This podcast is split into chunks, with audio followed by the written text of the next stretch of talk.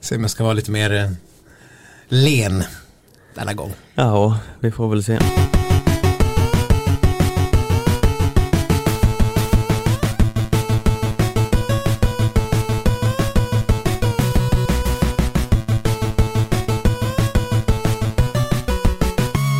Ja men god dag, ni lyssnar på ännu ett avsnitt av Skidsnack. Eh, det är jag, Sköld, som sitter här åter i studion tillsammans med Stenqvist. Välkommen hit. Tack! Vad fint det känns att bli hälsad välkommen. Ja men du eh, har ju, jag känner att du har fått lida så mycket av min frånvaro här så du får ett kungligt välkomnande Ja. till det här avsnittet Ja, jag känner mer att, jag känner nästan lite nedlåtande som att du har tagit självpåtagen ledarroll här. Ja, nej men man måste ju ha en stark ledargestalt sägs det. Ja. I små skaror. Och det är du. Eller är det i stora skaror? Jag vet inte. Både och kanske. Ja. Men det sägs ju att diktatur funkar bäst i eh, vissa sammanhang. Mm. Demokrati är inte så eh, lukrativt i eh, små skaror. Så du menar liksom parrelationer generellt? Diktatur är att föredra.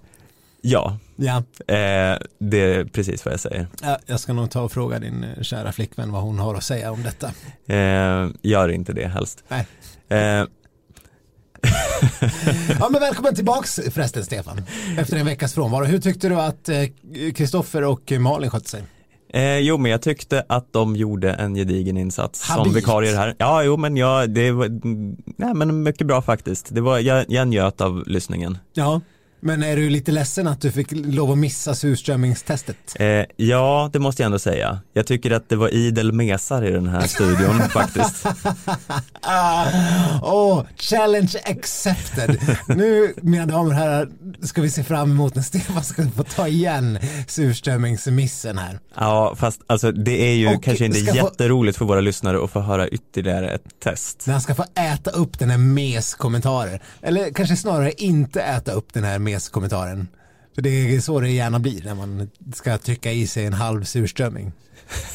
Jag vill bara förklara för er som eh, undrar eller kanske inte lyssnade på förra veckan så åt vi ju då surströmming och grejen med de här surströmmingsbitarna att det var ju liksom det var ju det var ju inte som en liten så här sillabit så att man hade skurit upp utan vi, jag vet inte om det framgår, gick om ni har sett klippen som har publicerats på Instagram och så. Men det är ju liksom rejäla, det är ju liksom en halv surströmming som jag, jag och Kroko åtminstone tryckte i sig oss. Eh, Malin hon tog ju någon liten eh, kryddmåttsaktig bit. Tog hon en sån här eh, eh, Therese Johaug-bit. Ja. Eller man såg inte ens när Johaug åt, det var typ Eckhoff-bit. Ja, ja men li- så här, lillfingernagel Ja. på en bebis. Mm. Den nivån. Eh, men å andra sidan, ja nej, eh, det var fruktansvärt. Jag mådde, jag mådde på riktigt dåligt resten av kvällen och eh, halva dagen efter. Ja, ändå lite mesigt tycker jag. Ja, nu ska vi säga att det var länge sedan jag åt surströmming, men jag kommer ju ändå från en surströmmingsbygd. Så jag har ju... Vad är det det eh, kallas i den festival? Eh, strömmingsleken. Strömmingsleken. Det är en, eh, en anrik eh, cityfest i Ja. Söderhamn. Ja, Mm. ni brukar vara artister som Anna Salén. Eh, ja, eh, ofta. Fame Factory All Stars kan komma. Eh, Nästa år kommer det, eller kanske i år då? Samantha Fox kom ett år, Nej, alltså under 2000-talet. det är ju otroligt. Ja, Eh, snart i år kanske man kan se fram emot Stefan Sköld från podden Skidsnack också på scen. ja eh, Ska vi köra en livepodd från Strömningsleken i Södra? Ja, vi får se om vi får en inbjudan. Så, absolut. Ja, men alla som sitter i organisationen på Strömningsleken och lyssnar på det här så tveka inte att höra av er till skidsnack.aftonbladet.se. Mm. Vi kommer även att promota er i sociala medier innan så att det är till alla. Ja, det här är, nu ska vi inte lova för mycket innan det här ballar ur fullkomligt, men eh, jag Jag rekommenderar måste även, ja, nej fortsätt nu. Jo, men så här också. Jag, jag, jag var ju, det är ju inte surströmmingssäsong. Nej, Eh, för det finns ju faktiskt en säsong. För, och det är, säsongen är väl typ i september eller någonting. ja augusti, september någon gång tror jag. Eh, så den burken jag lyckas eh, inhandla på mitt lokala Coop. Mm. Eh, jag fick den ganska billigt för att den gick ut strax därefter. Tror eller surströmming kan alltså gå ut. Ja. Så utgångsdatumet var liksom nära nog passerat. Men jag tänkte lite grann att det är ju surströmming. Det kan ju inte bli sämre av att det blir lite mörket. Eh, nej, det är väl lite Det, skitsamma. det kanske bara bygger karaktär lite mer. ja, ja, det får man väl säga. Så att, eh, men det kan ju ha varit det. Det kanske var en dålig surströmming. En dålig batch. Jag har varit på och gjort reportage på en surströmmingsfabrik eller vad man säger. Ja, Mm. är det sant? Ja, Hur, hur liksom är lag? fabrik och fabrik, det var liksom en liten fiskeby utanför Hudiksvall. Ja, Där jag var och tittade på när de höll på och gjorde- la in surströmmingen. var det liksom en surströmmingsstank som svepte över dig när du kom dit? Ja, det luktade ganska mycket. Men jag, alltså nu ska jag säga, det var länge sedan jag åt. Men jag tycker inte lukten är så himla farlig. Nej, både jag och Malin var ju väldigt, eh, vi tyckte ju att Krukos, alltså Kristoffers reaktion var eh, lite överdriven när det kom till lukten. För lukten är inte så farlig, precis som Petter Northug var, hans reaktion var lite överdriven kan man tycka. För att eh, lukten är inte så farlig egentligen. Anklagar vi Petter Northug och Kristoffer Bergström här för filmning? Ja, lite grann.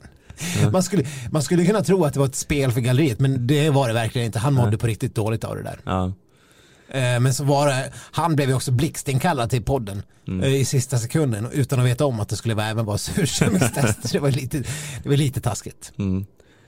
Vi skulle ha skickat in eh, den här burken till Svenskans ledarredaktion här som eh, eh, fuckade upp det lite för oss här och gjorde att vi fick spela in lite senare här. Ja. Ja, liksom, jag hade ju någon plan att äta, att vi skulle ha surströmmingstestet i poddstudion men eh, jag drog det by några människor, bland annat dig och folk tyckte att det verkade som en dålig idé.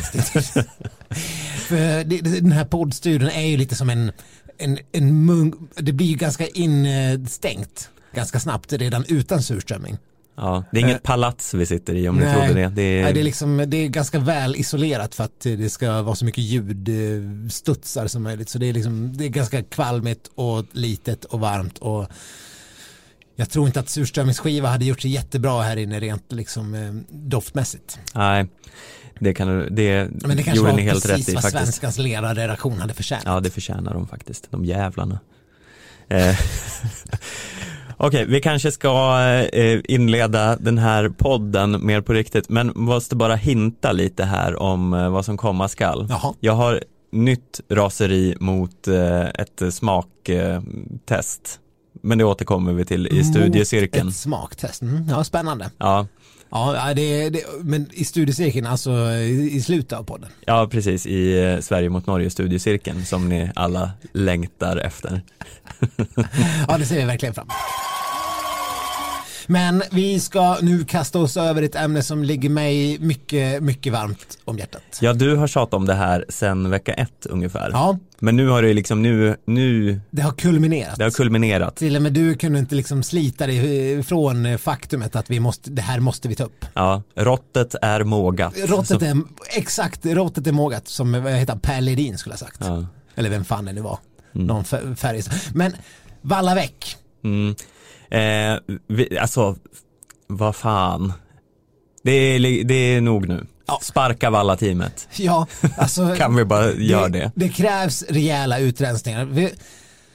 Okej, jag förstår att vissa hävdar att det finns en, eh, en diskussion som går lite grann att ja men vi märker inte av när andra länder, eh, det är inte bara vi som har lite fel, eh, fel på vallan ibland utan andra länder har också det, Norge hade det i någon etapp på Tour de Ski och, och sådär hit och dit. Och det är klart att vi lägger mycket mer märke till när svenskarna inte lyckas med, med vallningen. Men det är något förruttet i vårat vallateam Mm. och landslag och relationen mellan åkarna och vallarna. Ja, Det börjar ju redan när Jonas Pettersson försökte när han ju råkade göra sig ovän med Valla-teamet. Det här känns, alltså Valla-teamet känns lite grann som, som någon form av så här fackförening i Chicago på 40-talet. Man skulle inte göra sig ovän med de jävlarna. För då hamnar man, då fick man liksom bada i Nybroviken för livet. ja. Och det är Även ju om så. Nybroviken inte ligger i Chicago, men ni förstår. Nej, nej, men det är ju helt rätt. Och det är ju så att vi har ju faktiskt kommit över en liten eh, hemlig ljudinspelning som avslöjar lite hur relationen ser ut eh, mellan Valla-teamet och landslaget. Eh, där man kan höra eh, lite av den psykiska terror som eh, vallarna utövar på åkarna. Det här låter otroligt Ja. eh, fascinerande. Eh, lyssnar här.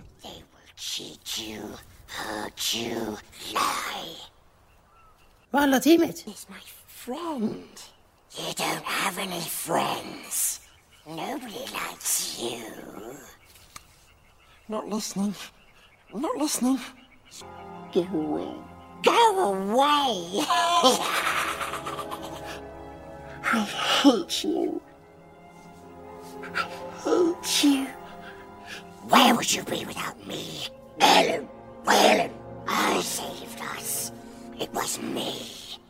We survived because of me. Ja. Ja, det är, det, det är hårt. ja, det är Hårt klimat. Verkligen. Det är, Vi hörde ju här hur liksom åkarna verkligen tror att de eh, liksom har, eh, har alla teamet på sin sida men sen bara får kniven i ryggen hela tiden. hela tiden. Och de kan inte lita på någon. Nej, nej, det är ju fruktansvärt. Eh, hur det kan få gå till på det här viset. Nej, men skämt åsido, det är ju uppenbarligen så, som vi var inne på, Jonas Pettersson, han, fick ju, han åkte ut med huvudet före Mm. när han gjorde sig ovän med Valla-teamet. Eh, och det har ju varit en, en hel del eh, turbulens. Eh, Valla-chefen avgick och vi fick en ny Valla-chef i, i Niemi som är nu. Och, och det har kommit in nya vallare. Alltså Urban eh, Nilsson, eller, vad- nu tappar jag namnet, Urban. Avgick. Och men det verkar inte riktigt fungera gång på gång. Det är inte, och det, det, det jag tycker är lite märkligt är att det känns som att det är så de har inte koll, det är inte som att det bara är på klassiska biten vi har problem. Det, är ju, det har ju varit även i fristils. Ja, ja, om det inte är problem med det ena så är det problem med det andra. Eller både och. Eller både och. Det, ja, men det som fick oss att det liksom få nog var väl nu på eh, när prologen i, i Oberstdorf. Ja, När svenskarna liksom radade upp sig långt, långt, långt bak i startlistorna. mm. eller i, i själva efterfrågan och flera av våra framstående åkare som lätt skulle kunna ta sig till kvartsfinal bara inte ens eh, lyckades med det. nej. Nej, men det, är- alltså det, Moa Lundgren bland annat. Ja, det är ju för uselt att eh, valla så dåligt åt ett helt lag att de inte ens kan ta sig vidare från prologen. Nu gjorde ju många det ändå, men sen tog det ju stopp i kvartsfinal för att det gick ju helt enkelt inte. Nej, och, och då faller en hel del av eh, vad som har varit Valla-teamets argument tidigare. Man har sagt, det, det har kommit så mycket sådana knepiga argument som man har svårt att köpa. Det, det är olika på olika märken, visst. Mm. Men här var det liksom, det var rakt igenom jättedåligt. Eh, åkarna bestämmer själva. De har liksom alltid sista säg, speciellt nu när man har mindre tid med åkarna och vallarna liksom inför. Man har inte lika många vallar som har, får, får vara ute i spåret sådär. Utan åkarna har lite större ansvar. Det faller också, alla åkare kan inte ha gjort fel val. Nej, Det är helt orimligt att, det, att det liksom, alla råkar ha en dålig dag när de inte, att de inte kunde känna vilka skidor. För det som är, det som är oroväckande framförallt är att åkarna liksom, när de är på inåkning och det, det, känns, ja, men det känns ändå okej. Det här känns bra. Det är lite svårt att kanske avgöra om de, är- för då måste ju de testa mot en, eh, någon från något annat landslag om de ska veta om glidet funkar eller inte. mm. Så när de, om de åker bredvid varandra och tycker att ja, men det här känns väl bra, då, då har ju de extremt svårt att avgöra om det verkligen är bra. Eller? Det är ju först när man ställer sig på startlinjen mot någon annan. Eller i det här fallet när man liksom glider in och kollar på tids, eh, tidsplaceringarna. Mm. Att ja, det här var ju piss. Att, att man liksom för det, det förrädiska att åkarna kan ju inte veta om eh, skidorna riktigt är bra eller inte utan det eh, ligger så mycket i vallarnas händer. Mm. Och det här, alltså jag tycker ändå att det här är extremt mycket tydligare nu för tidigare har man ju aldrig hört en enda åsikt om eh, skidorna och materialet. Nu går det ju liksom inte att de kan ju inte eh, inte säga någonting. Det, det kommer ju fram hela tiden att de kände att de inte hängde med förrän de eh, eh, mötte andra landslag. Och det här har ju varit lite varje vecka. Det är ju inte bara den här helgen. Nej, det är inte bara den här helgen. Och det är inte så att andra landslag också har problem. För de har, det finns inga landslag som har problem av den här magnituden. För det har varit så pass många gånger den här vintern. Det, var inte, ja, det var inte perfekt även förra året heller. Det är något som inte är okej. i, i landslaget med, med Valla-teamet och med samarbetet eh, med skidåkarna. Så det, det måste till. Och här det här, nu jag- förstår ju att eh, folk kanske tycker att ja, men vadå, man kan inte bara sparka ut folk hur som helst. Men det här är lite av en speciell bransch där man faktiskt kan göra det. Ja. Lagen om anställningstrygghet existerar inte riktigt i elitidrott på samma sätt. Det är klart du har dina kontrakt, Nej, du har säkert vallarna också. ja, Men då får de, man väl kasta, riva det kontraktet, ta den kostnaden, bara få in, vi måste få in liksom en bättre kultur på något vis. För det är ju uppenbarligen så att eh, de inte drar jämnt. ja, fan, fotbollstränare i eh, högsta ligorna sparkas ju till höger och vänster om de inte levererar. Man måste ju kunna göra sig av med ett Valla-team. Ja, verkligen. Och det var ju precis det, okej nu blir det rena spekulations men det är därför vi är här och det är därför ni lyssnar på oss. När Jonas Pettersson försökte gå in och röja upp i Valla teamcirkusen, då gjorde ju inte han det för att han hade någon eh, liksom, eh, känsla av att det inte fungerar bra. Han har uppenbarligen fått de signalerna från eh, åkare och andra ledare. Mm. Annars Ja. kliver man inte in som ny liksom, landslagschef och börjar rumstera om. Nej, Utan det, uppenbarligen så har ju signalerna kommit, förmodligen har han lyssnat väldigt mycket på åkarna, att vi behöver göra någonting åt det här. mm. Då samlar ihop, de ihop sig som någon form av eh, fack, eh, gangsterfack och säger att det är han eller alla vi. Och hotar med att liksom göra någon form av total revolution. För det går inte att byta ut ett helt Valla-team direkt, det, det skulle bli total kaos. Mm. Och de sa ju där liksom det, det, var ju, det, det rapporterades ju om att det ställdes ultimatum att ni, får, ni sparkar ingen. Nej. Det är han eller oss. Kan vi på något sätt eh, helt enkelt sno Norges Valla-team? Lite som Norge snodde Frankrikes eh, skidskyttetränare Sigfrid Massé eh, från en säsong till den andra och rörde upp starka känslor i Frankrike. Kosta vad det kosta vill. Ja, alltså vad fan, vi, vi byter ju tränare lite till höger och vänster. Ja, Eh, eh, pappa Iversen som gick över och tränade, som tränade svenska damerna som gick över till eh, Norge. Ja. Varför inte sno ett Valla-team? nej men det är ju liksom, det är ju så jävla avgörande för här sitter de här åkarna och sliter och tränar 800 timmar om året och sen, sen får de sina chanser till liksom totalkupper kanske förstörda av ett inkompetent Valla-team. Mm. Och nu är det ju, har det ju gått så långt in i säsongen att det, det går ju inte att reparera skadan som har gjorts för många åkare. Nej, Det är ju kört egentligen eh, för resten av eh, säsongen om man skulle ha räknat i något totalsammanhang av olika kupper. Om det är sprintkupp eller eh, någon liten eh, jaktstartskupp eller vad det nu kan vara man siktar mot. Ja, om inte annat så kanske det kan skicka ganska tydliga signaler att eh, vi tar det här på allvar. För det är inget ont om Anders Niemi, men när han står där och blir intervjuad, jag såg en intervju med Petra Thorén, våran kollega, i fem minuter. Han har liksom inga svar. Och det kanske inte, han kanske inte vill stå och liksom berätta exakt vad det var som gick fel för hela världen i, i Sportbladet, men det finns det, man ser liksom ingenting som tyder på att de- riktigt vet knappt själva vad det är som är fel. Mm. Nej, jag såg en liknande intervju i SVT också där det var samma sak. Det var ju ett stort frågetecken bara. Eh, och mellan eh, prolog och kvart, det är ändå ganska mycket tid där. Det måste gå att hitta en annan eh, lösning när man ser att det är så fruktansvärt uselt. Det måste, måste gå. Och Även hur- om det blev lite bättre så blev det ju inte oceaner bättre. Nej. Valla väck. Hashtag valla väck. Mm. Huvuden ska rulla. Ja, sprid för vinden. Ja, men eh, kära lyssnare, det har ju varit eh, här, den här fantastiska höjdpunkten på året som eh, alltid kommer vid den här tiden. Jag pratar om Idrottsgalan. Satt du bänkad, Viktor? Satte jag dig på pottkanten nu? För en sekund jag, jag tvekade där. Eh, borde jag ljuga? Eller ska jag vara ärlig? Eh, och då tänkte jag såklart att ja, men jag ljuger. Mm.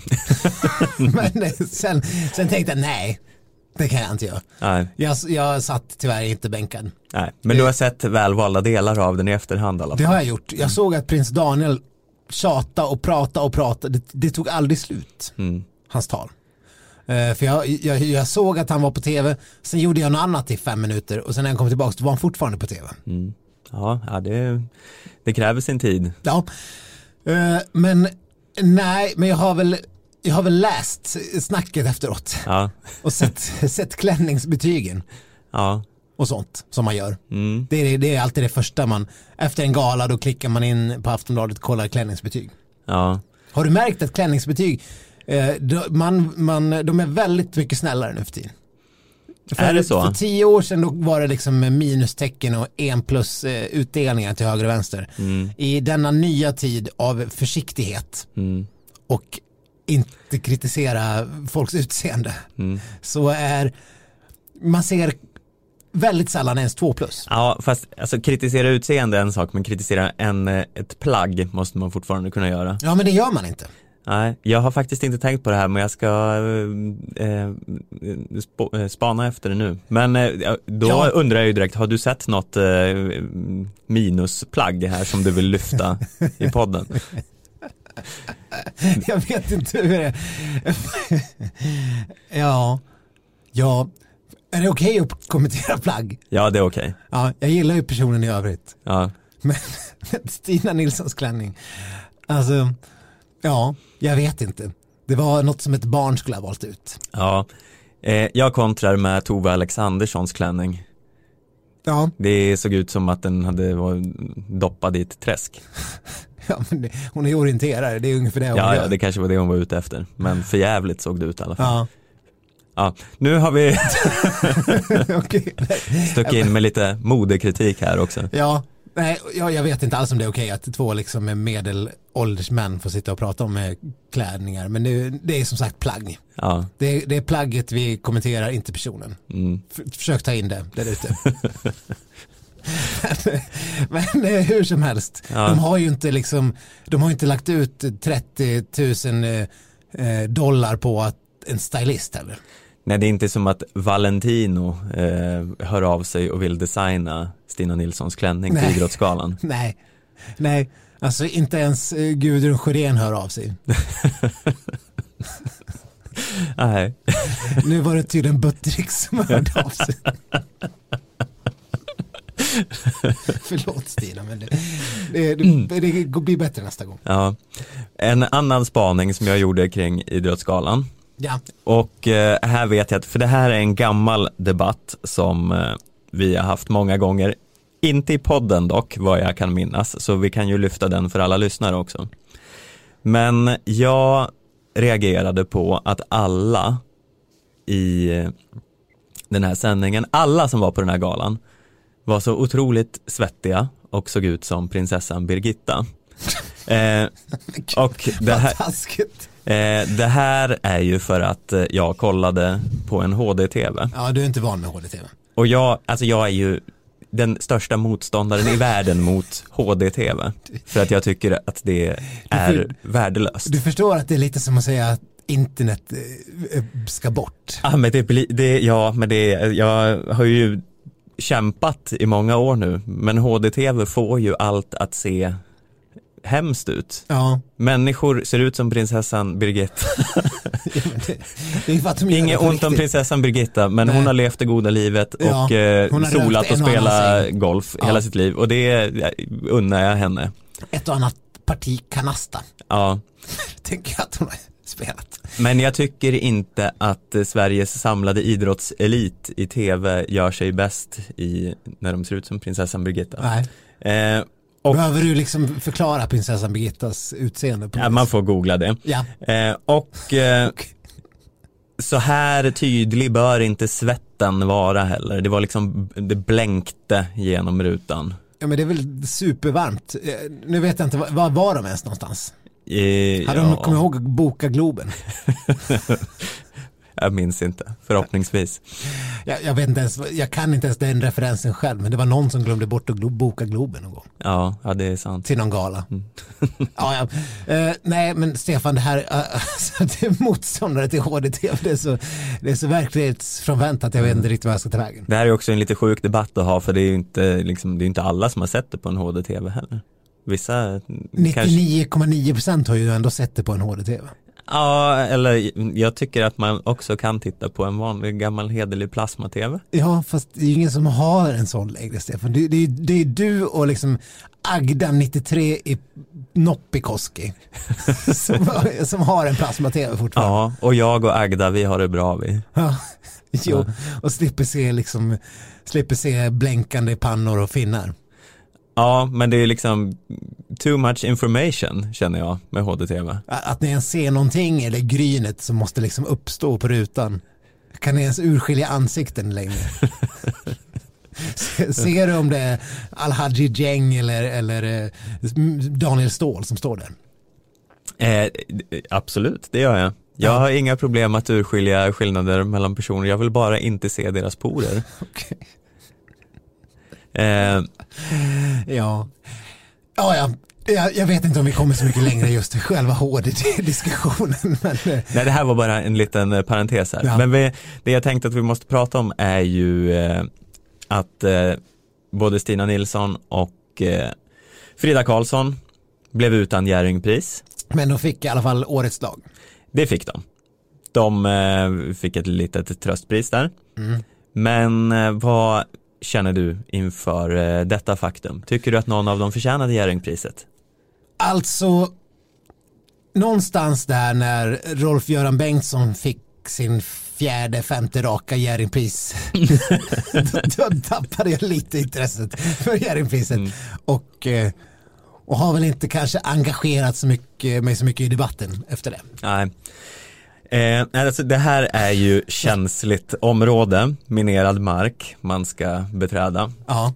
Vi har fått vår beskärda del Ska av du stöta dig piskan. med hela orienterings-Sverige nu? Nej, jag tänkte chocka genom att faktiskt inte göra det. Ja. Jag tycker ändå att det var ganska eh, välförtjänt.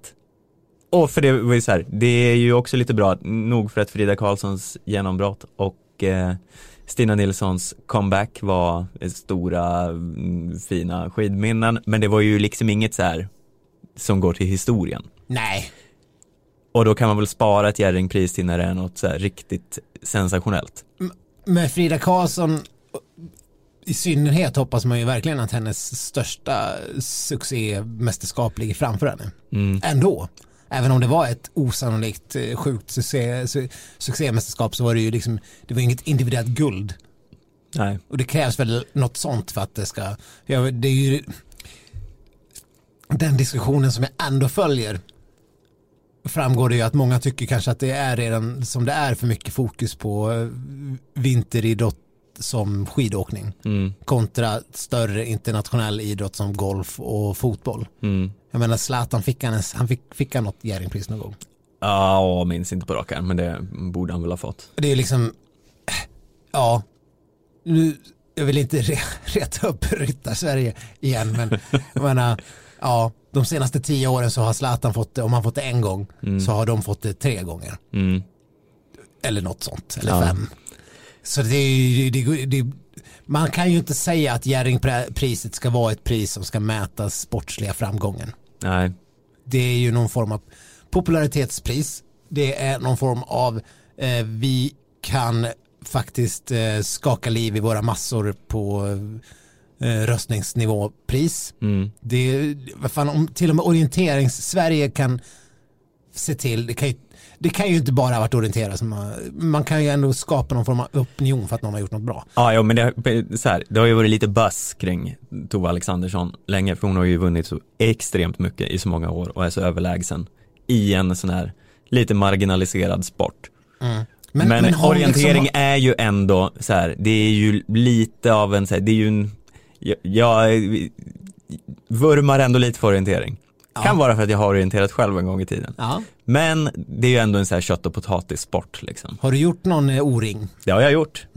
Trevligt. Mm. Jag, jag, jag, eh, Jag kom typ sist, men i, i P10 eller vad det kallas. Jag är också väldigt svag för orientering som sport. Eh, Jag började inte hålla på med det förrän, eller hålla på, men i lumpen fick man göra väldigt mycket sånt. Jag tyckte det var väldigt roligt. Eh, I högstadiet tyckte jag också det var en otrolig övervikt på orientering, liksom procentuellt jämfört med alla annan idrott. Ja, Man orienterade ju säkert fem gånger på en termin. ja, Medan man spelade liksom badminton två gånger. Vi spelade i och för sig badminton varannan lektion också. ja, men Vi- Handboll då? Ja, nej det var så här. I, jag körde badminton, volleyboll och orientering. Det var de tre sporterna man Ja. höll på med. Men, Men- ja, men i Grängesberg var det väldigt mycket orientering. Mm. Men det är så här, alla har ju någon form av åsikt om orientering. Det här har jag diskuterat med så många. Att så här, antingen eh, älskar man det eller så eh, fuskar man och ställer sig och röker någonstans. Eh, det är liksom de två, det finns ju ingen som gillar det lite. Nej. Man är ju antingen eh, skolkrökare eller eh, fantastnörd. De här fyra emo-tjejerna som bara liksom hasar sig fram. Ja, Går och ställer sig runt knuten och drar tre mentol. Sen Mm. går tillbaks. Eller de här tuffa skatekillarna som gjorde ungefär samma sak. Ja. Jag tycker det är en sån sjuk grej att ha sånt agg mot för man får ju liksom bara liksom ta en liten så här, gå runt och snacka med sina kompisar fritt i någon timme. Det är ju inte som att det är någon större ansträngning. Nej, och för alla med lite så här eh, tävlingsinstinkt. Tävlings, vad heter det? Ja, skitsamma. Mm. De, de älskar orientering för att man det, man, det är ju verkligen en bra tävlingssport. Mm. Man kan missa, man behöver inte vara den som har bäst kondition som är bäst på orientering. Nej. Utan det är ju faktiskt, det krävs ju någonting mer. Mm. Det har ju lite av en USP. Det är lite som skidskytte, det finns något, någon extra faktor. Ja. Eh, så det är en fantastisk sport. Men sen är ju orientering vad det är. Mm. Rent eh, liksom internationellt. ja, ja, det är ju eh, Vet du vad jag, jag har faktiskt varit på orienterings-VM i Australien. Jaså du? Nu var jag ju bebis, Ja. men vi var där. Ja, ja, det är inte illa. Nej. Eh, ja, Mm. hur som helst. Eh, vad, vad tyckte du om att hon eh, fick eh, priset då? Eh, jo men, eh, alltså Tove Alexandersson. Mm. Jo men det, det jag ville komma till var ju så här, ja men det var ändå bra. Jag, eller jag, jag är för den utmärkelsen. Eh, men man måste ju ändå kasta skit på någon sport och då tycker jag att vi idag väljer bowlingen. För att de, Var de ens med? de var med i Ja. omröstningen. Okej. Och då kände jag bara, nej men en, inte ännu ett sånt här jävla förbund som ska hålla på och ta sig in och ska det vara liksom tre år av bowlingmästare som ska ta det här Bowling priset. Susanne. Ja, precis. Ska vi liksom, ska bowling Susanne verkligen vara Sveriges största idrottare? Eh, Men, men, alltså, Susanne, jag vet inte om hon heter Susanne eller han. Nej. Eller den. Mm. Hen. Men, nej men eh, hur som helst, det, ja, det, det tar jag med mig. ja. Ja, det, känns ju inte som att Tove Alexandersson kommer få priset nu fyra, fem år i rad heller. Nej, det var ju, hon har ju varit med liksom jättemånga år i rad och inte fått det. Man har ju vetat att hon inte kommer få det. Så nu var det lite som, Men är det här hennes väg in till Skavlan eller, eller det så ska det låta? Kommer vi se Tove Alexandersson i Så ska det låta? ja vi får se hur hon förvaltar det här. Eh, jag vet inte. Sitta bredvid Robert Wells. Mm. Robert Wells. Peter Harrison står och säger hej mamma. du menar Så ska det låta nu? ja, Det var länge sedan han var med i Så ska det låta kan jag berätta. Peter Harrison? Ja, Ja. och Robert Wells. Och Robert Wells. Ja, Ja. ja det, är, det är Sarah Dawn Finer. Ja, ja, duktigt. Du hänger med i Ja. samtiden. Jag vet inte vem som står och klinkar på klaviaturen. Nej, det vet inte jag heller faktiskt. Men, eh, mm, Men det- det skulle kunna vara Robert Wells. ja. Fast det är inte det. Nej, han håller väl på med något sånt här rockin, rockin, rockin Rio, det var något helt annat. Vad gör Anders Berglund nu för tiden? Eh, bra I dessa fråga. schlagertider undrar man Ja. ju gärna. Ja, Jag, jag har faktiskt tänkt på Anders Berglund förut. Undrar vad, vad gör Anders Berglund nu för tiden? ja. Det här är ju inte rätt forum att eh, prata om det. Nej, Men vi man, kan väl sträcka ut en hand. Vet ni vad Anders Berglund gör idag så hör av er till jag mejlar gärna in. Ja. Skidsnacketaftonbladet.se. Mm.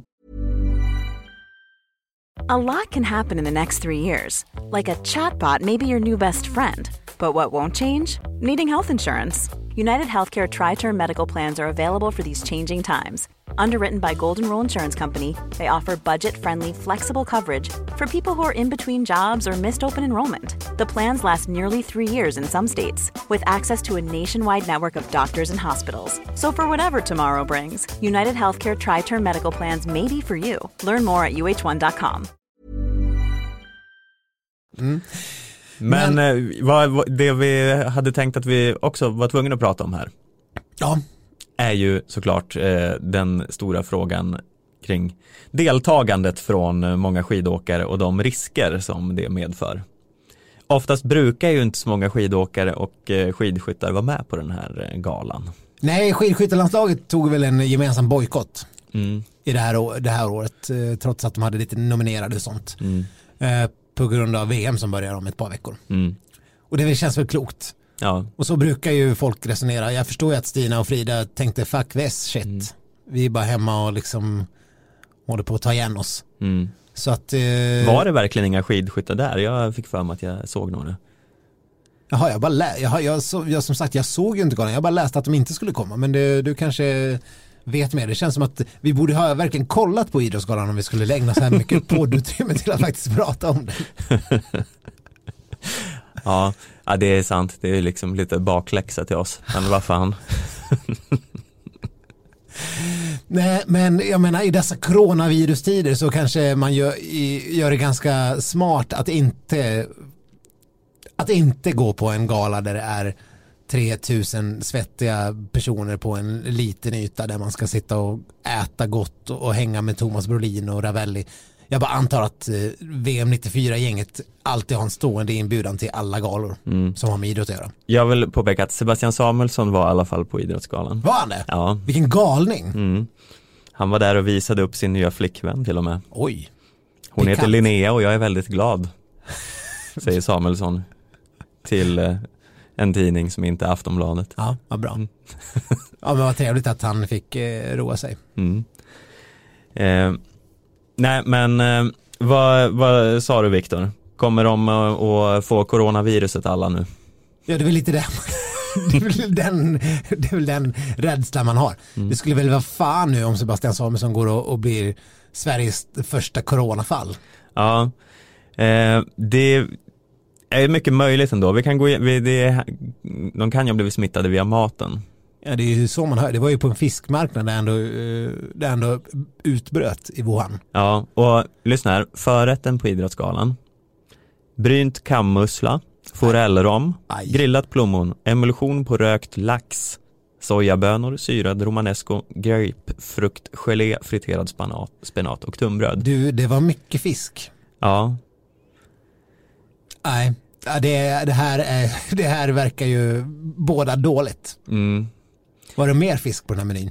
Eh, ja, varmrätten var faktiskt en rostad kalv entrecote med vinteräpplen, konfiterad jordärtskocka och majrova, smörbakad, smörbakad morot, sås på cidervinägersenap, terrine på potatis och lagrad grevé. Fan vilken snajsig meny de hade ändå. Ja, två sorters panna cotta på mangiare och dolce valfrona choklad. Ja, gud, jag kan, det var en tungvrickare-meny. ja, Kan man, kan man verkligen säga. Kaffe och avec, viner och grejer.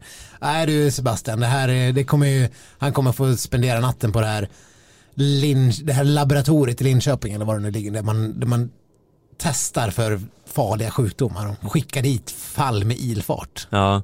Okej, men ska vi gissa här, för det är ju snart eh, VM med antalts. Mm. Hur många i skidskyttelandslaget, vi behöver inte nämna namn här, men kommer att få ställa in deltagande på sin eh, distans På grund av corona. på grund av corona? Ja, ja, Sebastian är ju, han kommer ju vara, eh, vad kallar man det, själva fall nummer ett. Ja. Det har ju något namn. Mm. Ja, Och han delar säkert Patient rum zero. med eh, Jesper Nelin. Eh, som, ja för vi hörde ju att, eh, jag läste en intervju om att eh, Hanna Öberg och Jesper Nelin, de delar inte rum när de är ute på världscupen. nej. Och det är väl smart. Mm. Men då är det så här.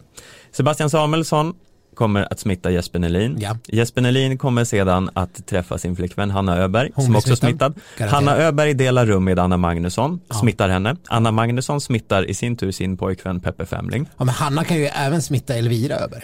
Ja, det kan hon göra. Eh, så både Peppe Femling och Elvira Öberg är också smittade. Ja. Eh, så vi har åtminstone fem, sex då. Du vet inte vem Peppe Femling delar rum med?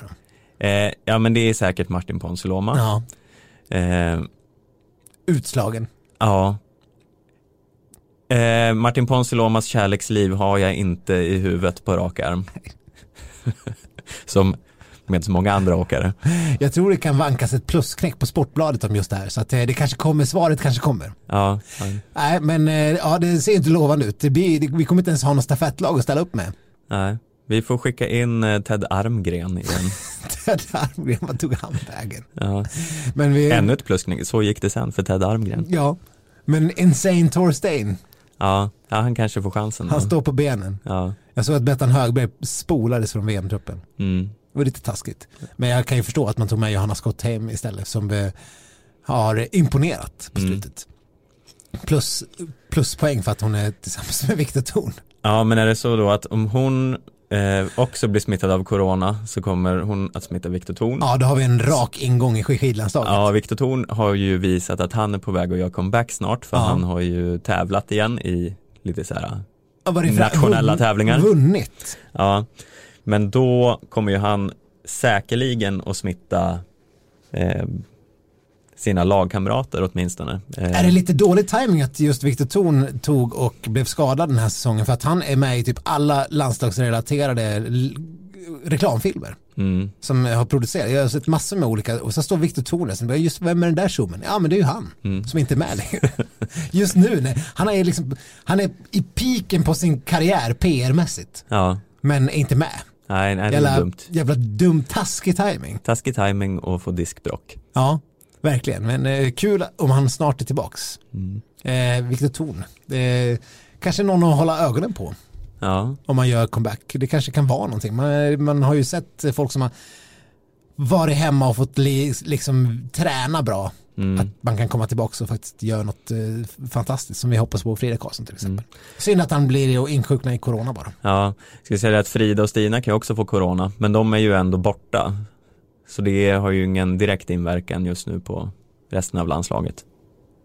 Nej, Eh, om man ska se några, några ljuspunkter med att bli coronasmittad. nej. Och jag menar dödligheten, det verkar ju mest vara äldre och sjuk, multisjuka som, som dör. Mm, Så det är i alla fall positivt. mm, Så får vi hoppas att de inte har några svaga släktingar ja, som stryker med. ja. Men har du hört ändå det dumma i mänskligheten att eh, eh, sökningen Corona Bear Virus trendar på Google? Så fo- folk tror liksom att det finns en koppling mellan eh, Tror- coronaölen och coronavirus. Men tror du, det här är på allvar, tror du att corona-ölet, att det här är bra eller dåligt för dem? Jag tror det är bra, jag tror till och med att vi har gjort eh, en artikel på det här. Är det sant? Ja, eh, all Men marknadsföring vi, är ju inte bra som vi som är skidsnack utan vi som är Aftonbladet. Ja, vi, ja, precis. Ja. Eh, nej men corona skrattar ju hela vägen till banken med det här. Skrattar sig hela vägen tillbaka. Klassiskt uttryck som aldrig blir gammalt. Gör de verkligen det? Ja, ja. Eh, All publicitet jag ska inte ta gift på det här, men jag har för mig att jag har sett det här. Hela, hela ölföretaget tar varandra i hand, skrattar och går till Bank of America eller var de nu bor någonstans. Ja, ja det, Och lassar in eller tar ut pengar, man vet inte, men de bara skrattar. det finns säkert på film det här. De går där hand i hand. Med ett leende på läpparna. Ja. Mm. Fantastiskt.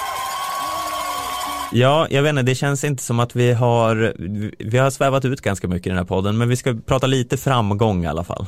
För att eh, väga upp. Ja, Vi har ju haft eh, en, vi har ju inte pratat så mycket skidskytte den här säsongen.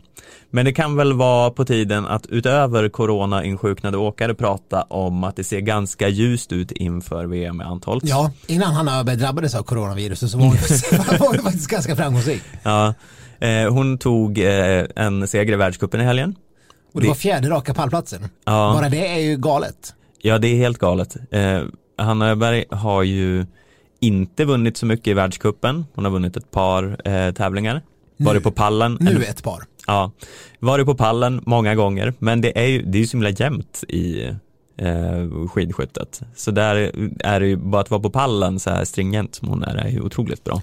Ja, och som sagt, vi pratade om Johanna Skotthem. Hon var väl med och blev, när vi tog tredje, fjärde och femte platsen. Ja, När Linn Persson också var fyra tror jag. ja Johanna Skottheim var fyra och Linn Persson femma. Ja.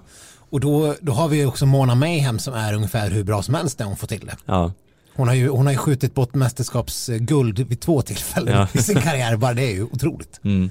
Eh, så att eh, det vittnar ju om vilken kapacitet hon har. Mm. Sen att hon inte, att hon liksom bommar ut sig med fyra bom sista skyttet. Det är ju något som man gör kanske. Mm. Och kanske slutar göra när man har gjort det ett par gånger. Ja, nej men så på damsidan, alltså jag menar, det, vi har ju eh, Hanna Öberg då som solklar eh, etta, men sen har vi Linn Persson, Mona Brorsson, kanske då Johanna Skottheim. Vi har Elvira Öberg, vi har Anna Magnusson. Inte som att alla de här är några som man räknar med ska stå på pallen, men det är ju fan inte omöjligt med de flesta av dem. Nej, vi måste ju tro att vi kommer vara favoriter i någon form av stafett. Ja, Jag vet inte vilket lag som ska kunna vara mer favorittippare i damstafetten åtminstone än, än Sverige. Det är, nej för till och med Norge det- där har ju någon liten svag länk. Det är klart de har så här Ol, eh, Olsby Röiseland och Tiril Eckhoff som båda är i superform. ja, men, eh, och Frankrike kommer ju såklart ha ett jättebra lag. mm. Eh, Men därutöver, jag menar Italien har ju jätte, jag menar Ja, de har ju Virer, sen eh, Vitozzi med halvsvajig form och så Ja. har de inte så många fler. Halvsvaj form. Hon var, inte, hon var, ja nyss. Ja, jo men det här hon gjorde ju ett bra lopp nu men innan dess har hon ju haft en Ja. usel säsong. Nej och sen finns det ju säkert, alltså skidskyttet är ju så fantastiskt för det, det såg vi bara nu på senaste stafetten, jag vet inte ens vilken, eh, det var damerna, typ Polen eller vad det nu är som är på pallen. Mm. Var kom de ifrån? Ja, Det, är ju, det, var, det var ju liksom ingen som såg.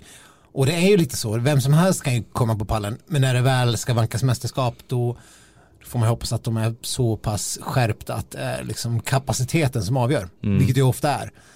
Och där ska ju Sverige absolut vara guldfavorit och eh, solklar medaljkandidat, så det kan ju bli väldigt roligt. mm. Eh, på här sidan ser det ju lite tråkigare ut för de, de, de har ju inte rosat marknaden, de svenska herrarna, den här säsongen. Nej, det kan man ju verkligen inte säga. Sebastian Samuelsson har väl varit typ 12 som bäst eller något sånt. Ja, jag vet inte, det, det är, får vi någon herrmedalj så är ju det en skräll bara. Ja. Eh, Däremot så kan vi ju också, nu har de ju en förmåga att lyfta sig i stafetterna ja. på ett sätt som eh, känns osvenskt. Ja, verkligen. Sen eh, har de ju sett lite för ojämna ut för att man ska våga tro på något sånt. Men man jo, men vet det ju hänger aldrig. ju bara på att eh, fyra personer ska få till två bra skytten. Mm. Då är man ju där. Ja, Men, men det är som du säger den här säsongen, då har det ju sett ut som att vi skulle behöva fyra reservskott i varenda serie. ja, Lite grann. Och det, det går ju inte. Du, du- för att vinna ett medalj i ett mästerskap så får du ju ha ett till två reservskap per serie på Ja. sin höjd. och sen på här sidan har vi, alltså som Frankrike som på senare tid har blivit någon form av Ja, men de är har monopol liksom på eh, topp 10. Ja, alltså de har ju- fem åkare som alltid är mm, topp 10. Ja, det var inte många veckor sedan de var etta, tvåa, trea i någon, eh, eh, något distanslopp. Nej, och då är det så här, de har Fourcade som inte mm, alltid är en av dem heller. Nej, nej, det är liksom, det kryllar av bra namn. Så de, är, de, på samma sätt som svenska damerna är favoriter så kom, måste man väl ändå säga att eh, franska herrarna är skyhöga favoriter. Ja, och sen kommer ju Norge där strax bakom som också fortfarande jävligt bra. Jo, men det är bös och sen, eh, inte bös som är bös, utan det Ja, är, de är verkligen inget bös, det kan man det inte säga. the bös. Ja, sen har de Christiansen och. Björntegård och de där. Absolut, men det, är, ju- det är, hänger ju på the bös, Mm. som jag nu kallar dem. Ja, The bös. the bös. Du gillar att säga det. The bös. Ja. det, det ligger väldigt bra i munnen. Ja. Ja, så, men herregud, det är ju flera veckor, det var, eller det var typ två veckor kvar. Eh, Eller en vecka. ja, det, precis. Det, Något sånt. Det En och en halv kanske. Det är när som helst. Ja, Men det blir ju väldigt kul. Det är ju som fortfarande en extrem tv-sport. Det finns ju ingenting bättre än att slå på skidskytte på tv. nej, och då har man skidskytte varje dag i en och en halv vecka, så det blir ju härligt.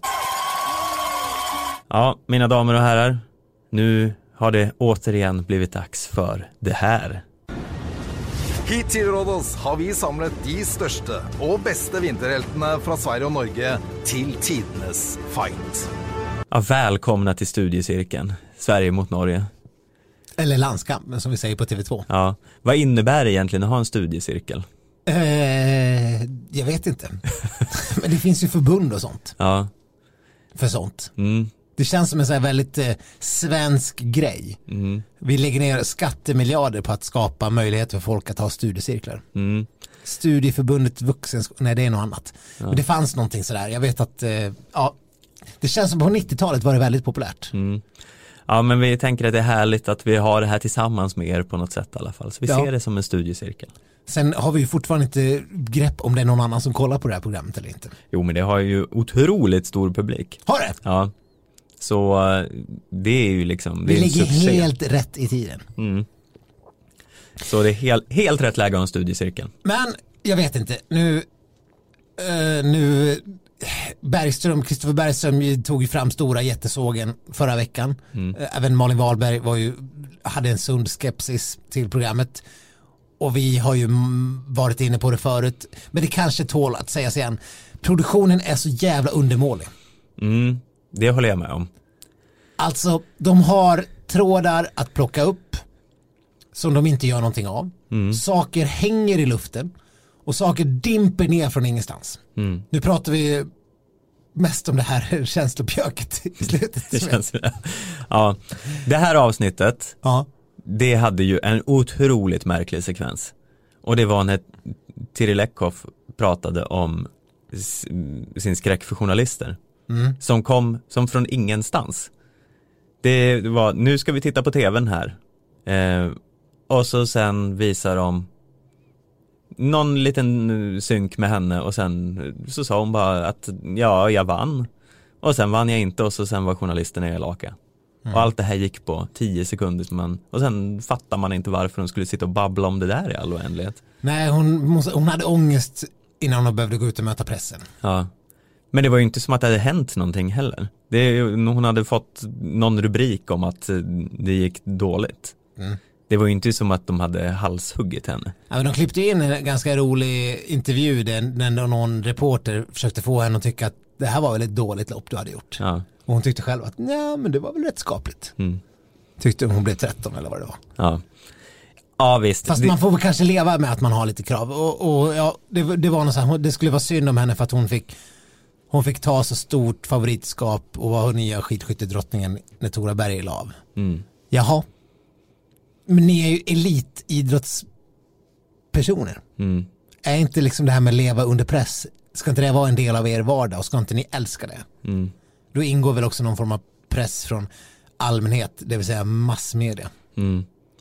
Och sen hon verkar ju uppenbarligen ha lärt sig hantera det här för nu är hon ju ungefär hur bra som helst. Ja, men det är inte som att NRK eller vad den där reporten kommer, det är inte som att de sitter och bestämmer sig för att Nej men ska inte vi utse Tiril Eckhoff till eh, nya skidskyttedrottningen och ha massa förväntningar på henne? Det är ju en, den, den nyheterna, nyheterna, det nyheterna gör, alltså journalister, media, det är ju att fånga upp en allmän känsla. Mm. Det är inte som att eh, vi sitter här och, och kommer fram till att nej men nu, nu tror jag att vi ska tycka att Charlotte Kalla är populär. Mm.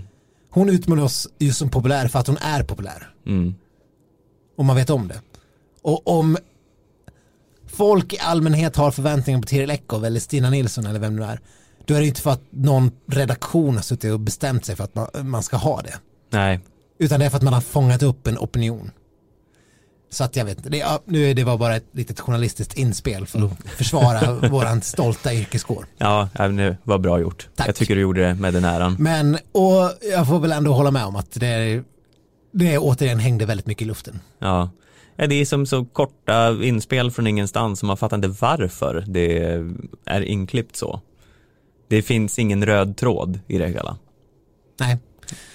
Nej, och det, och, alltså vi var inne på för några veckor sedan när, eh, när den här konstiga uppdelningen av eh, Charlotte Kallas stora triumf och, och, och kontra Emil Iversens Jag var inte så bra som barn. Mm. Vilken, vilken uppmärksamhet det fick. Mm.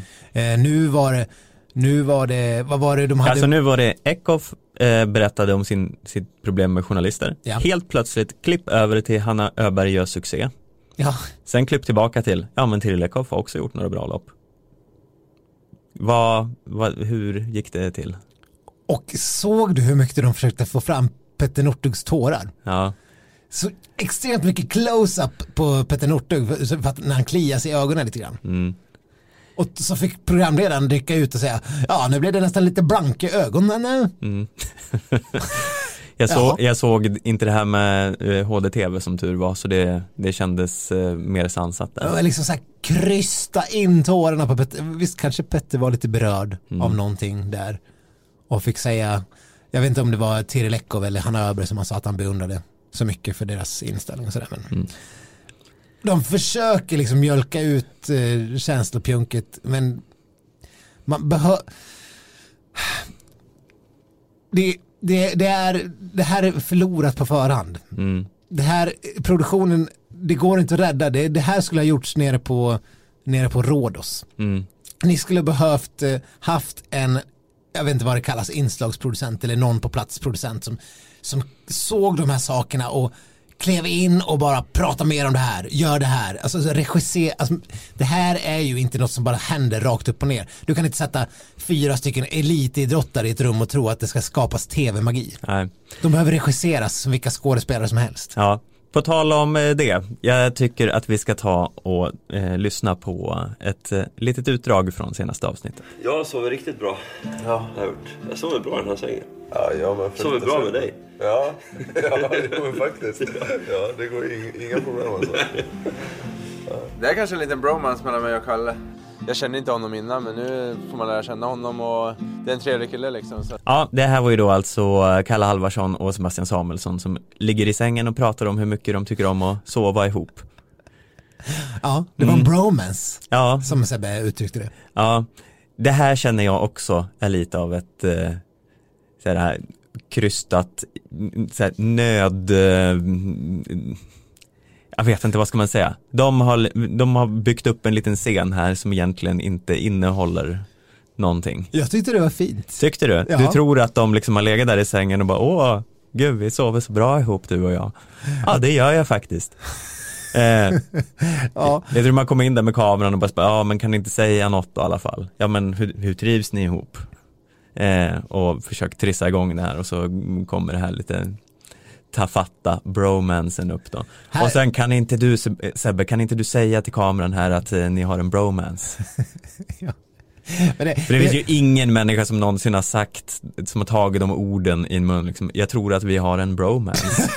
nej, det är, nej, det är det faktiskt inte. In, inte så här självpåtaget. Det, det är uppenbarligen. Där har ju i alla fall eh, producenten gjort ett bra jobb. Ja, Så, eh, mer sånt. Jag hoppas att, eh, att, att hen blev varm i, i, i fötterna. I, varm i fötterna? en, ja, Varm i kläderna. ja. varm i fötterna hade ju bara varit konstigt. Ta av dig dina dubbla sockor. Mm.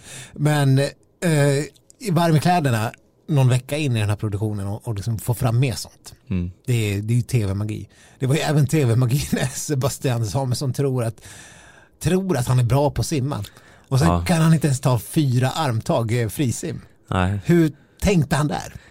Nej, det här var ju lite pinsamt. Alltså, jag har ju sett dig simma Stefan och du är ju bättre Sebastian Samuelsson. Ja men jag eh, har ju blivit en riktig Michael Phelps nu skulle jag vilja påstå. Jaha, okej. Mm. Ja, du var inte du, där du får förut. se mig igen. Okej. Nej, Vi kan åka till simhallen nu efter så kan du få se mig eh, ta fyra armtag. för att se dig, det var som att se sådana här gamla, man hörde ju historier om hur japanska pappor var, hade, jag vet inte vilket sammanhang jag har hört det här, det var, men att man typ puttade i sina barn för att lära dem simma Mm. i princip. Det, lite, det intrycket fick man av dig, men du skulle dra kråltag. Mm. Någon hade puttat i dig för att lära dig simma. Ja, men, eh, Men nu har du blivit Johnny Weissmuller. jag, jag, har, jag är en gud i vattnet. Ja, Mm. vad härligt. Mm. Det ser jag fram emot att se. Det var inte Sebastian Samuelsson. Nej, eh, han fick ju stor pisk av Emil Iversen. Och Emil Iversen Förnedrade honom. förnedrade honom, man tog till och med och hjälpte honom med några bollar. Mm. Och ja, nej men det var, alltså Sverige var ju usla den här veckan. Ja, Nu, jag, så här, jag tyckte den här tävlingen innan var ganska tråkig när de skulle gå mm, med någon ögonbindel och elchocker och vad det nu ja de, hände. har- de, de kör mycket på elchocker nu alltså. Ja men det var, jag zonade ut lite där och fattade inte riktigt vad som hände men Charlotte råkade tappa någon, någon kloss och sen gick det åt helvete. alltså, jag är helt övertygad om att eh, där blev det fusk i produktionen. För att när hon kastade bort den klossen så som för de hade ju något form av system där, eh, där de skulle där de skulle ge dem en stöt om de var fel ute. Mm, Men om det var rätt så skulle de inte ge någon stöt. mm, Och sen hade de något fel kommando, att även ett kommando var att du ska få en stöt om du skulle fortsätta framåt. mm, Vilket betyder att när Charlotte höll upp en kloss som var rätt, ja det här såg ni. Eh, men hon kastade den för långt bort, det var ju inte en chans i världen att hon hittade den där igen. Så där har ju produktionen klivit in och bara, äh, men Sverige, det här, om vi måste få lite spänning så vi kastar in den här igen, eller vi hjälper den. Och det hände två gånger. För det var konstiga klipp vid två tillfällen. Så det var så otroligt tydligt att det var fusk. mm. Och då hade ju Norge ändå så pass långt försprång att det skulle inte göra någonting. Men fan, så, ja, nej jag vet inte. Det var väl en konstig jävla tävling. Ja, det var inte det vassaste avsnittet hittills, varken tävlingsmässigt eller eh, känslomögmässigt, eller vad du brukar kalla det. Känslopjunk. Kän, känslopjunk. Det var starkt content när eh, Sebastian Samuelsson och Terry Lekov gjorde yoga i alla fall. Ja, Jag tror det, där kände jag att, eh, jaha, ska det vara liksom en rom, en riktig romance på gång? mm, Men det var det inte. Hon, Nej. hade, ju- hon hade ju någon pojkvän redan. Som jag kollade upp här, en riktig, riktig ah, halv eh, kass skidåkare. alltså, Ja, han har varit med i typ, han har tagit världscuppoäng en gång och blivit 29. ja. Så det känns alltid bra. Mm. Och vi har ju redan tidigare i podden berättat att Sebastian Samuelsson visade upp sin nya flickvän på Idrottsgalan. Ja, och det var inte Terry Lekov. Det var det inte. Nej. Eh, men nej, han var ju stelare än vad jag är. Ja, det var han faktiskt. Eh, Och nu, nu, jag vet inte om man ska bodyshamea, men han hoppade upp i poolen. Hade han inte en liten plösmage? vad sa vi om att vi skulle bedöma folks kroppar här Ja, tidigare? men Emil Iversen var ju ripped like hell. Ja. Alltså hans magmuskler bara spänner ju ut. Mm. Eh, absolut. Sen vet jag inte om jag skulle vilja påstå att Sebastian Samuelsson hade så mycket av en plösmage eller vad du nu på uttryckte. Nej, nej, men det var kanske bara dåliga badbyxor som gjorde att liksom mag, magskinnet vek sig på ett ofördelaktigt sätt. Nej, men man tänker att är man, är man sån där, då är man ju superduper vältränad. Det finns inget, finns inget magglip att liksom ens kunna väcka ihop. Nej, nej, det kanske var lite mellansäsongspizza eh, här. Ja, han, han, var, han har liksom precis gjort en eh, Eden Hazard. Mm. Men coronaviruset kommer ju råda bot på de här kilorna. Du tänker att han liksom bara förmultnar i det lunginflammationen som han drabbas av. Ja, precis. Ja, det är kanske är bra för VM-formen. Om det blir snabbt avklarat det vill säga. Ja, nej, ja, ja, ja, jag vet inte. Det var, det var förmodligen badbyxorna. Mm. Eller kameravinkeln. Eh, innan vi lämnar eh, studiecirkeln. Jag har ju utlovat, jag lämnar ju en liten cliffhanger i början av eh, podden. Om ett litet raseri mot eh, förtäring. Som att vi inte har rasat tillräckligt. Ja, men nu så här, dels tyckte jag det var lite slappt att den här, det här straffet återigen var att de skulle äta någonting. Ja, nu skulle de äta någon form av eh, grisöga, eller? Ja. Och här kände jag att, men herregud, det här, det är ju liksom, det är ju bara att göra. Hur, det, jag, jag kan för mitt liv inte tro att det är så himla farligt att äta Du är jävligt grisöga. stursk, Stefan. Ja, Säger mannen som inte åt falukorv på tio år för att han fick en senbit i en falukorv när han var liten. eh, okej, guilty. Men eh, ja, jag, jag har ju faktiskt tagit du mig kan förbi det knappt traumat. fortfarande äta falukorv. Eh, ej sant. Har, har kommit över det traumat. Jag, Ja, är i en- okej, för tio år sedan kunde du fortfarande inte äta falukorv. Nej, men så här, om man har fått ett eh, litet straff Satt är, bitar rejält. ja men det här, det, alltså det här är ju då som att äta en köttbulle som ser lite vidrigare ut. Alltså, ja, det, Stefan, vad äter du helst? Grisöga eller en falukorv? eh, jag äter ju förmodligen hellre falukorv till vardags. Okej. Men, eh, alltså jag menar, Charlotte Kalla var ju den enda som reagerade normalt här. Hon bara tog det här ögat och eh, åt det. Ja. Och det är så här, ja, vad fan, det här var väl inget straff. Eh, och så sen höll Sebbe och Kalle på och, Och då fick man se Kalla äta. ja, Jag tyckte TV2 kanske klippte bort det. jag stoppade ju bara in den i munnen och sa typ gott. Jaha. Eh, Hanna då? Fick ni se henne? För att det, henne fick man absolut inte se i TV2. eh, minns inte. Nej. Men man fick bara se fjant Kalle och fjant Sebbe hålla på och Skämma ut sitt land. ja, skämma ut sitt land här. Ja. Eh, Men det hade ju varit tråkigt tv om de hade bara, tror du inte att det kanske var en instruktion då? ja, alltså jo, absolut. Men eh, jag är ändå besviken. Ja. Jag är, jag är inte arg, jag är besviken. ja. Nej men det är ju alltid tråkigt när Norge vinner de här tävlingarna. Inte för att jag håller på Sverige i någon större utsträckning utan för att eh, Hanna Öberg är så jävla skadeglad. så det, är det, det är det bästa tvn som finns. Att se henne sitta och Tortera folk. skadeglädjes skratta åt när andra lider. Ja. Alltså om inte hon ryckte benen av flugor när hon var barn då, då heter inte jag Viktor Stenqvist. Alltså hon är en riktig, hon njuter ju av att se andra lira på ett sätt som är skrämmande. Och bra tv. Och bra tv. Ja, så att, eh, ja, vi, måste, vi hoppas på fler svenska segrar enbart för att se Hanna Öberg njuta. Word. Ja, har det blivit dags att avsluta nu kanske? Runda av. Runda av. Eh, det var härligt det här hörni. Vi gör det igen nästa vecka tycker jag. Det gör vi verkligen. Och då ska vi, förresten, innan vi kastar iväg er härifrån, för jag låg utöver ett raseri. Har vi? Eh, ja, det, ja, kanske det var, kanske var sms till dig. Jag av ett raseri mot svenska skidspelen. Ja det är sant. Det här ska vi bara ta lite på slutet. Snöbristen i Falun har ju gjort att man eh, ändrar om schemat. Det är istället, eh, sprinten på lördagen kommer gå som vanligt. Mm. På söndagen kommer det att vara, istället för 30 och 15 kilometer individuell start, så kommer det vara eh, massstart. Mm. Det har inte så mycket att säga om. Mm. Men man har gjort det här klassiska idiotgrejen från Tour de Ski för ett par, tre år sedan. Nu ska alltså herrarna åka 15 kilometer. Mm. Damerna som skulle åka 15 kilometer. Tror du att de ska åka 15 kilometer? Det tror jag inte. Nej, de ska åka 10 kilometer. Mm. FIS hatar ah, jämställdhet i distanserna till en sån grad att man baxnar. Mm. Det här är det fan det sjukaste. Vad håller de på med?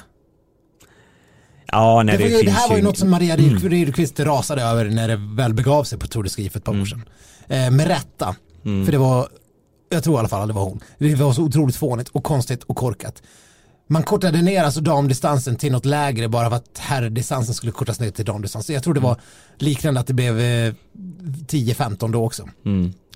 Men, kan du förstå? Förstår du varför? Nej, nej men det finns ju ingen förklaring. Det här är ju bara idiothjärnor som har slagit sina Men de är helt jävla. CP i huvudet. Varför, varför åker inte båda 15 kilometer? Ja.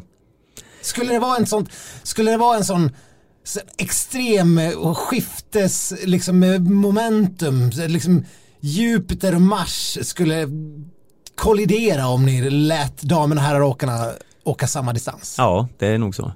Jorden skulle gå under, gräshoppor skulle liksom svärma över och Noaks ark skulle flyta upp ur havet. Koalor skulle brinna upp. Jaguarer skulle verkligen brinna upp. Mm. Alltså det är helt sinnessjukt. Och det har inte, jag såg det här bara på Svenska skidspelens hemsida, jag har inte ens sett Ja, jag har inte sett några reaktioner, det kanske kommer. Mm. Lagom till att den här podden är ute, då kanske reaktionerna finns där. Men om inte annat så finns mina reaktioner här nu och jag är fan topptunnor rasande. Ja, nej, men det är härligt att höra. Jag fick rasa över eh, Kalle och Sebbes grisögon eh, meseri och du över eh, jämställdheten i skidvärlden. Det, är- det är bra. Ja.